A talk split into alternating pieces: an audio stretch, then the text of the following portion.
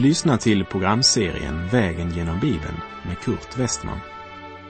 Programmet sänds av Transworld Radio och produceras av Norea Radio Sverige.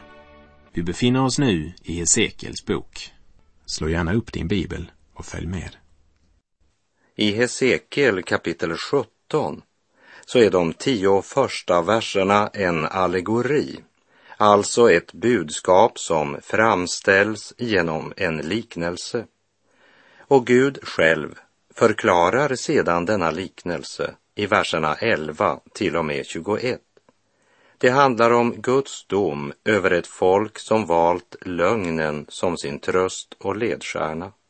Och på Herrens order använder Hesekiel här ett sätt att förmedla budskapet som var väl känt och även omtyckt i Österlandet vid denna tid.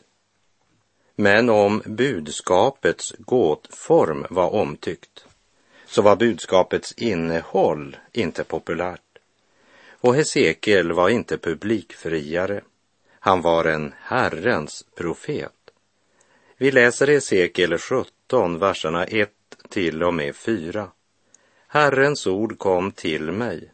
Han sade, du människobarn, ge Israels hus en gåta och tala till det i en liknelse och säg, så säger Herren, Herren. En stor örn med stora vingar och långa vingpennor och täckt med brokiga fjädrar kom till Libanon och tog bort seden. Han bröt av dess översta gren och förde den till köpmännens land och satte den i en handelsstad. Den stora örnen med stora vingar som tog bort sedern talar om Nebukadnessar, den stora örnen. Och sedern står här som en bild på Davids kungahus i Jerusalem. Jeremia hade profeterat om Nebukadnessar och sagt i Jeremia 48, 40. Ty så säger Herren, som en örn svävar han fram. Men Hesekiel talar också om en annan örn. Vi läser Hesekiel 17, vers 7. Men det fanns också en annan örn med stora vingar och många fjädrar. Och se, vinstocken sköt längtansfullt ut sina rötter till den. Och från platsen den var planterad sträckte den ut sina rankor mot honom för att han skulle vattna den. Den andra örnen, det var Egypten som vid den här tiden fortfarande var en stormakt. Kungen i Babel hade gjort Matanja till kung i Juda och ändrat hans namn till Sidkia. Men Sidkia svek kungen i Babel och gjorde en pakt med Egyptens kung. Det illustreras här genom vinstocken som längtansfullt sträckte ut sina rötter mot denna örn. Men den sanna vinstocken, den skulle inte hämta sin kraft från Egypten, utan från Herren Sebaot. Och den första örnen, Nebukadnessar, krossade stormakten Egypten och straffade Sidkia och Juda för deras svek. Vi läser Hesekiel 17, verserna 12 till och med 15. Säg nu till det upproriska släktet, förstår ni inte vad detta betyder? Säg åt dem, se, kungen i Babel kom till Jerusalem och tog kungen och furstarna och förde dem med sig till Babel. Sedan tog han en ättling av kungahuset och slöt förbund med honom och lät honom avlägga en ed. Men det mäktiga i landet förde han med sig bort så att riket skulle vara oansenligt och inte kunna resa sig utan hålla förbundet med honom om det skulle bestå. Men denne avföll från honom. Det är intressant att lägga märke till att Nebukadnessar, Babels kung, höll sin del av avtalet. Guds folk bröt avtalet medan det hedniska Babel höll sin del av avtalet. Vilken illustration! I en del församlingar kan du finna folk som bär sin bibel under armen, men deras hjärtan är långt borta från Gud och du kan inte lita på det de säger. Och å andra sidan så finns det affärsmän som inte är troende, men som är respektabla och håller avtal. Kung Sidkia i Juda räknade med de två örnarna, men glömde att räkna med den tredje faktorn, nämligen Gud. Och den som söker sin hjälp i Egypten får till sist en obehaglig överraskning. Det fick också kung Sidkia erfara. Vi läser Hesekiel 17, verserna 22 till och med 24. Så säger Herren, Herren, jag ska själv ta en kvist från den höga sedens topp och plantera den. Av dess översta grenar skall jag bryta av en späd kvist och själv plantera den på ett högt berg och brant berg. På Israels höga berg ska jag plantera den och den ska få grenar och bära frukt och bli en utsökt seder. Alla slags fåglar skall bo under den och finna skugga under grenarna. Alla markens träd ska förstå att jag, Herren, har böjt ner det höga trädet och upphöjt det låga trädet och låtit det friska trädet torka och det torra trädet grönska. Jag, Herren, har talat och skall göra det. Nebukadnessar hade tagit toppen av seden och fört Davids kungahus efterträdare till Babel. Men Nebukadnessar den store och stolte kommer inte att få sista ordet. För det Nebukadnessar gjort ska även Gud göra. Han ska ta ett skott av samma kungahus, Davids hus, och plantera det på Israels höga berg. Han ska plantera det på Sion. Han ska uppfylla sitt löfte till Abraham, Isak och Jakob som Jesaja förkunnade i Jesaja 11.1. Men ett skott ska skjuta upp ur Isais avhuggna stam. En telning från hans rötter skall bära frukt. Och så fortsätter Jesaja i kapitel 11, vers 2. Över honom ska Herrens ande vila. Anden med vishet och förstånd, anden med råd och styrka, anden med kunskap och fruktan för Herren. Ibland tillåter Gud den ogudaktiga världen att trakassera Guds barn och närmast krossa det folk som säger sig vara Guds folk, när det folket har vänt Gud ryggen. Sverige var en gång ett kristet land och det gula korset pryder fortfarande vår svenska flagga. Men vi är på väg mot att bli en Guds frånvänd nation med en kultur utan Gud. Moral och etik präglas av ogudaktighet och synd. Men Guds ord lär oss att vårt avfall får konsekvenser. Gud dömde synden på Hesekiels tid och Gud dömer synden idag. Döm mitt hjärta här i tiden innan världen döms av dig och när tiden är förliden i ditt domslut fria mig.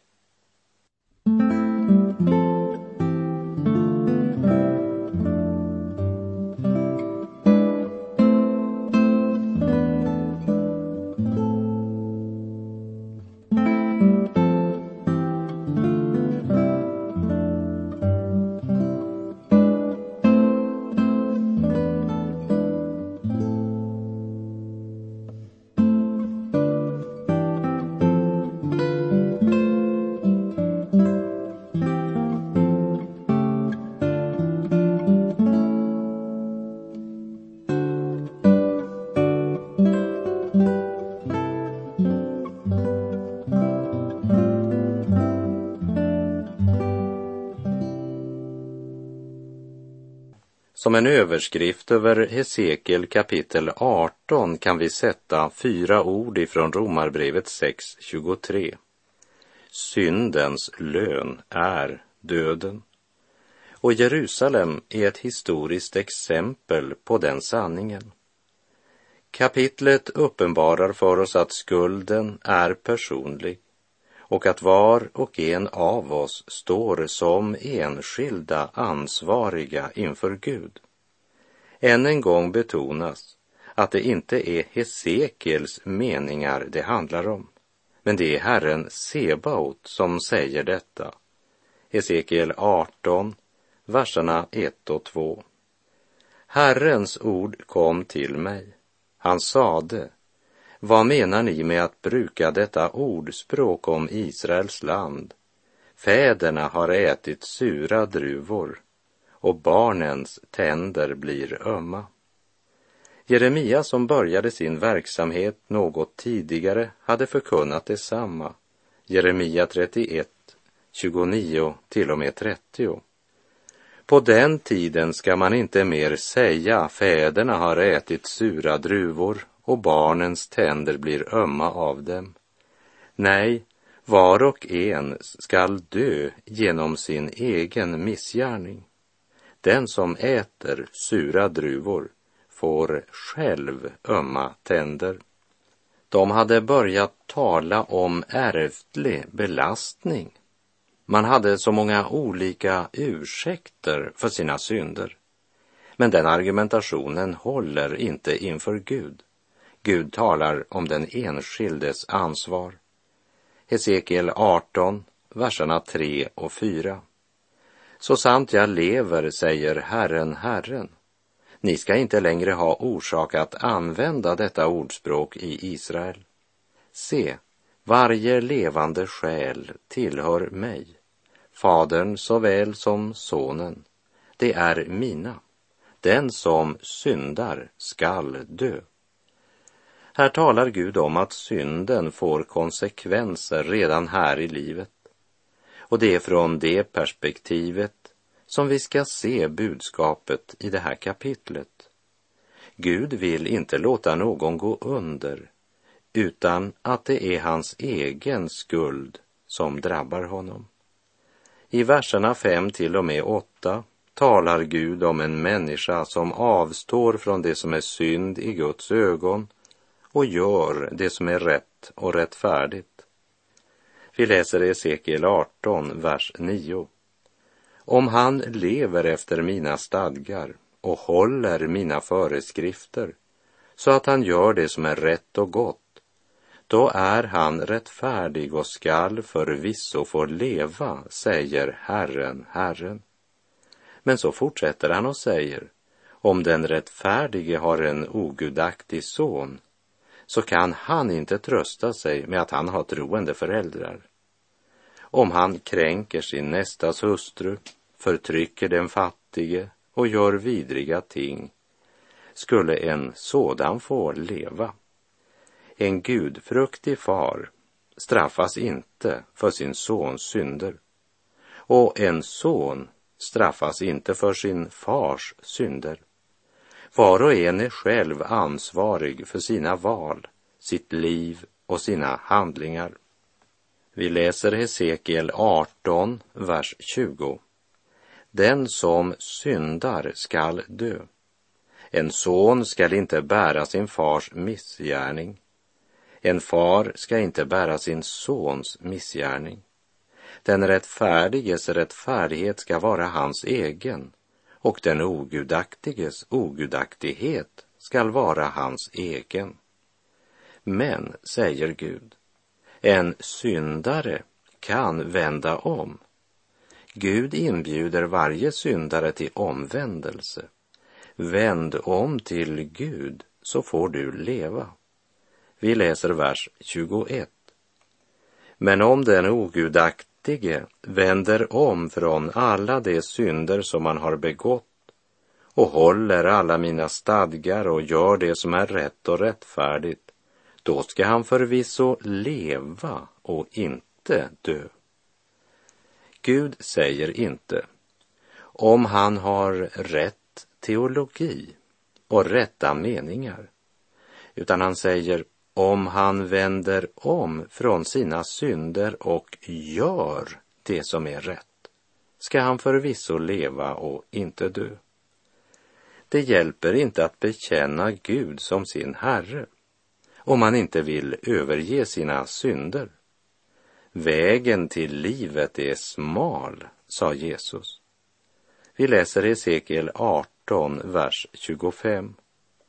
Ändå säger ni, Herrens väg är inte rätt.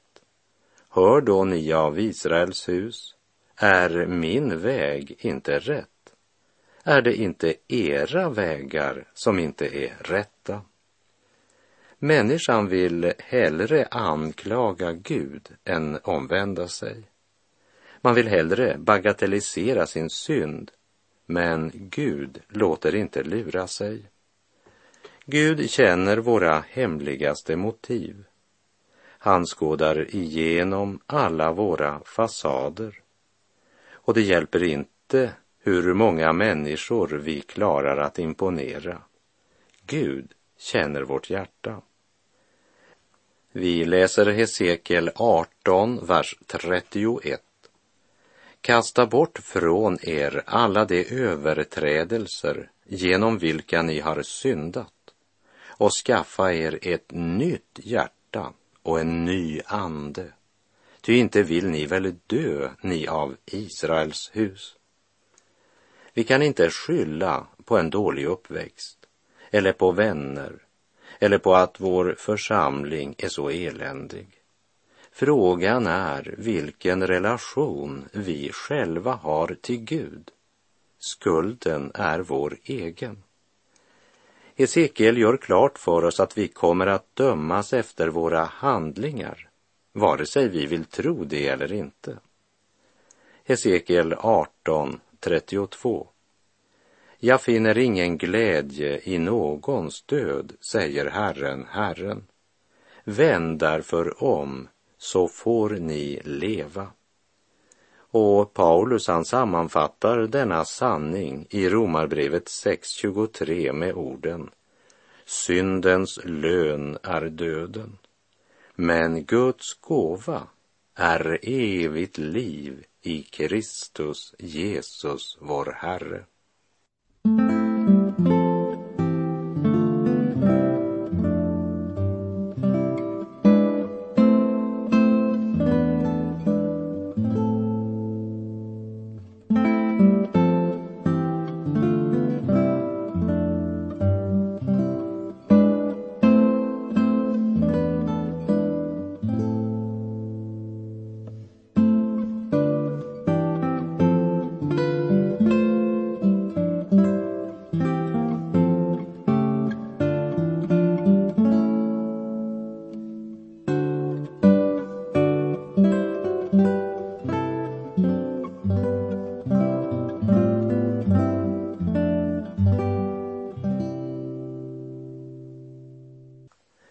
Hesekiel 19 har vi två klagosånger, eller eh, rättare sagt, vi har en klagosång med två teman. Verserna 1 till och med 9 är Herrens klagosång över Israels ledare. Och verserna 10 till och med 14 är en klagosång över landet Juda, Sydriket. Vi läser Hesekiel kapitel 19, verserna 1 till och med 3. Vilken lejoninna var inte din mor? Hon låg bland lejon. Hon födde upp sina ungar bland unga lejon. En av sina ungar födde hon upp till ett kraftigt lejon. Han lärde sig ta rov, han åt människor. Låt oss komma ihåg att det här det är inte ett ordspråk av Hesekiel. Det är Herrens ordspråk och sorgesång.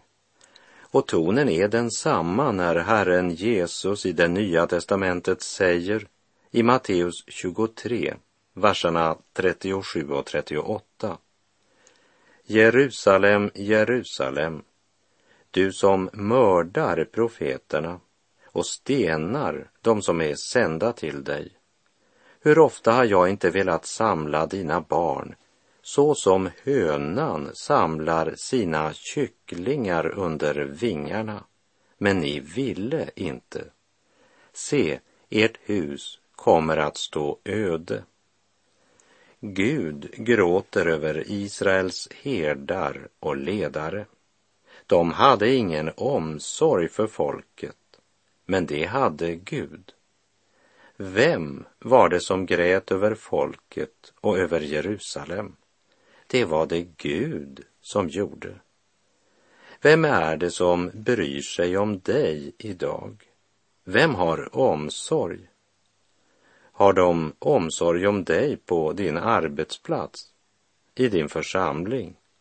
Har dina närmaste omsorg för ditt eviga väl? Gud har omsorg, både om dig och mig. Israels olycka var att deras herdar förde dem vilse. Och Herren klagar genom profeten Jeremia och säger i Jeremia 50, vers 6. Mitt folk var förlorade får. Deras herdar förde dem vilse och lät dem irra omkring på bergen. De strövade från berg till höjd och glömde sin viloplats. De som skulle ha varit landets ledare och herdar, de var istället lejon som slukade de får som de skulle ha dragit omsorg för. Det är de sista kungarna i Juda som Hesekiel sjunger om. Därför kan det inte bli något annat än en klagovisa och en sorgesång. Men i vers 10 så ändras bilden något. När Juda sammanliknas med en fruktbärande vinstock och av dess grenar växte det fram en härskarspira, vilket siktar till kung Sidkia som blir den sista kungen i Jerusalem. Det profetiska budskapet i Hesekiels bok förkunnar för oss att ödeläggelsen av vinstocken var självförskylld. För elden som omtalas gick ju ut ifrån en av grenarna på vinstocken. Hesekiel 19.14 Eld har gått ut från en av de yppersta grenarna och har förtärt frukten.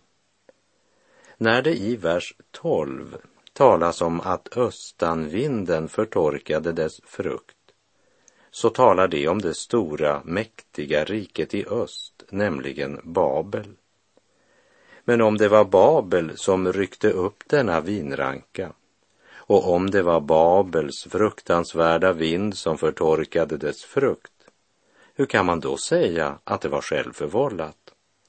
Jo, det var deras avfall från Gud deras synd och omoral som gjorde att Guds beskydd inte längre omgav Juda och Jerusalem. Och i vers 14 i Hesekels 19 kapitel så talas det om för oss att trots alla yttre fiender så är den farligaste av alla fiender synden i vårt eget hjärta Jesus säger därför i Matteus 15, vers 19. Ty från hjärtat kommer onda tankar, mord, äktenskapsbrott, otukt, stöld, falskt vittnesbörd och hädelser. Här vill jag repetera vad Herren sa till Juda genom Hesekiel i Hesekiel 18.31. Kasta bort ifrån er alla de överträdelser genom vilka ni har syndat och skaffa er ett nytt hjärta och en ny ande. Ty inte vill ni väl dö, ni av Israels hus. Skaffa er ett nytt hjärta och en ny ande.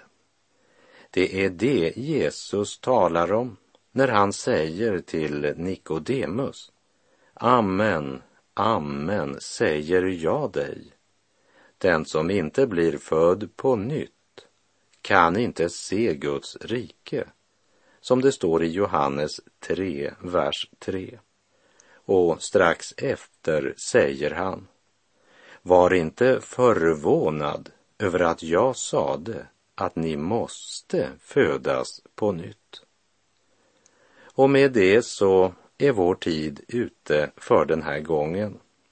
Och jag avslutar med att citera Johannes 3, verserna 14 till och med 18. Och liksom Mose upphöjde ormen i öknen, så måste Människosonen bli upphöjd, för att var och en som tror på honom skall ha evigt liv.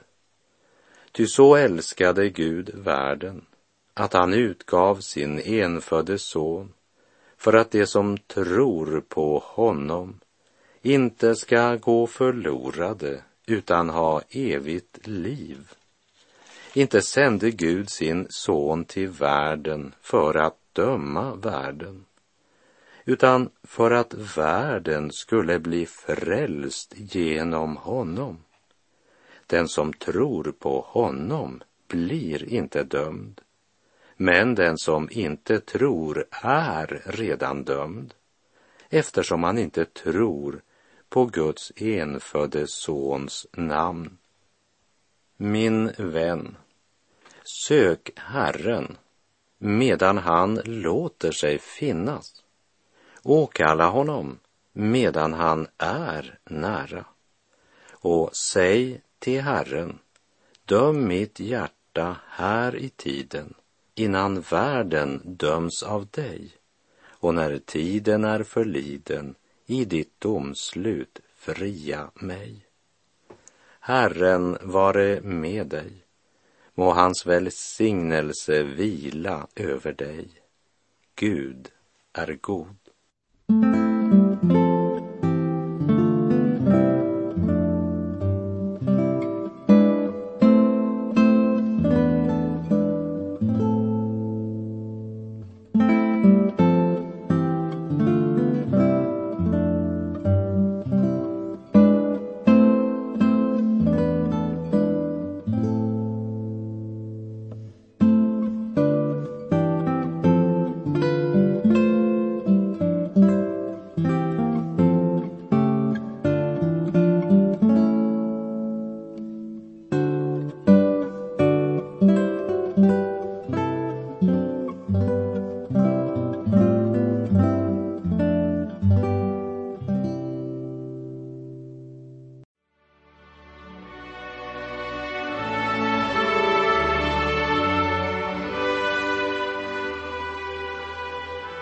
Du har lyssnat till programserien Vägen genom Bibeln med Kurt Westman som sänds av Transworld Radio.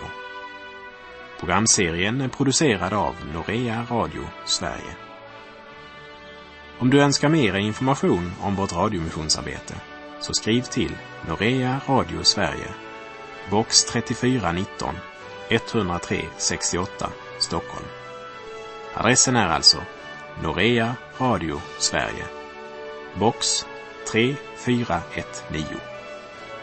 Postnumret 10368 Stockholm.